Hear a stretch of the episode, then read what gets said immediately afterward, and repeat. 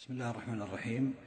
من الأحداث التي وقعت للنبي صلى الله عليه وسلم بعد زواجه بخديجة بمدة هو بناء قريش للكعبة. وسوف نتحدث إن شاء الله تعالى في هذا الدرس والدرس القادم حول بناء الكعبة في عهد قريش وأيضا في تاريخ الكعبة وبنائها. أما قريش فسبب بنائهم للكعبة هو أن السيول كانت تأتي من فوقها ومن فوق الردم الذي جعلوه يحمي الكعبة لا زال الماء يدخل حتى سقط الردم وخافوا أن يدخل الماء إلى جوف الكعبة.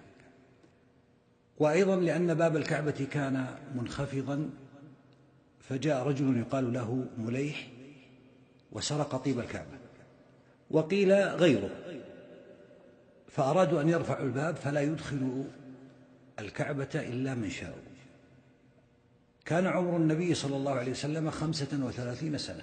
اجتمعت قريش وقرروا أن يهدموا الكعبة وأن يرفعوا سقفها فإنه كان منخفضا. وذكر بعض أهل السير أن الله جل وعلا قدر في ذلك الوقت فغرقت سفينة لملك الروم في جهاتهم فجاءوا بأخشابها وكان في مكة رجل يهودي نجار.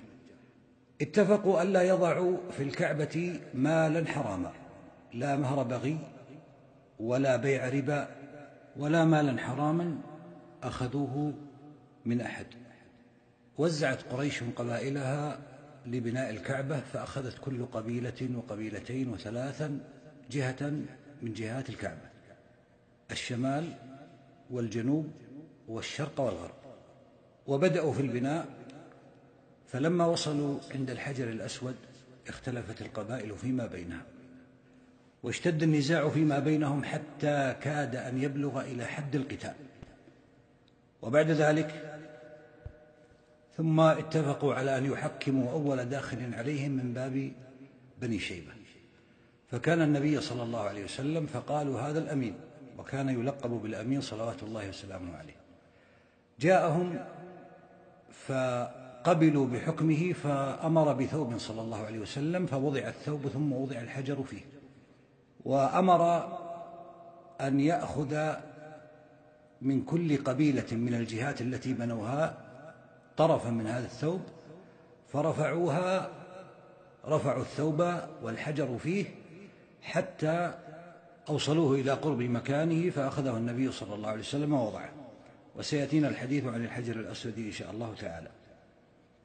قريش لما بنت الكعبة قصر المال معها والنفقة فلم يدخلوا حجر إسماعيل. وحجر إسماعيل هو في الجهة الشامية الشمالية. وجعلوا له بابا واحدا وهو الباب الشرقي الذي يوجد الآن في الكعبة. وقد قال النبي صلى الله عليه وسلم لأم المؤمنين عائشة كما في الصحيحين ألم تري أن قومك قصرت بهم النفقة؟ ولولا حدثان قومك بكفر.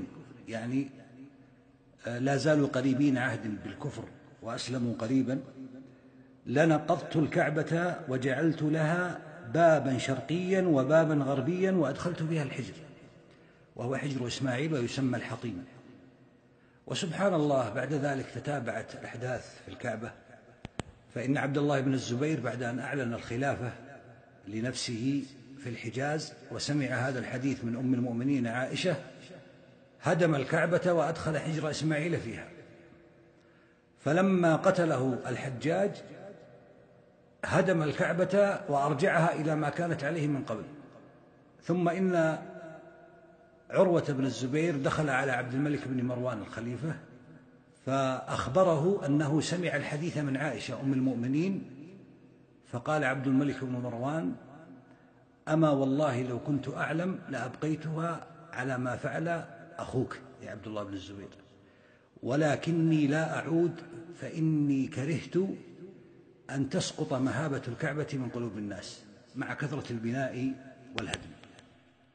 والنبي صلى الله عليه وسلم ممن شارك في بناء الكعبة وقد وقعت له آية تدل على حفظ الله جل وعلا له. فقد أخرج البخاري ومسلم من حديث جابر بن عبد الله أن النبي صلى الله عليه وسلم لما بنيت الكعبة ذهب ينقل الحجارة مع من ينقلها من قريش. وكان الناس يضعون أزرهم على أكتافهم والإزار هو ما يضعه المرء ويلفه آه، على وسطه الأسفل فإذا رفعه بدت عورته. فكان شباب قريش يضعون يرفعون الأزر على أكتافهم حتى يحملوا الحجارة على أكتافهم. فقال العباس للنبي صلى الله عليه وسلم يا ابن أخي اجعل إزارك على عاتقك. ففعل النبي صلى الله عليه وسلم فخر إلى الأرض وطمحت عيناه إلى السماء أي ارتفعت. ثم قام وهو يقول إزاري إزاري فشد عليه إزاره صلى الله عليه وسلم ولم يعد إلى ذلك أبدا.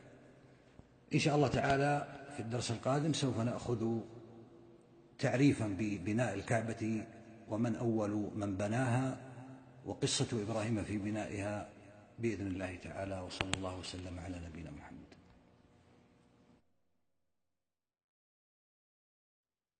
بسم الله الرحمن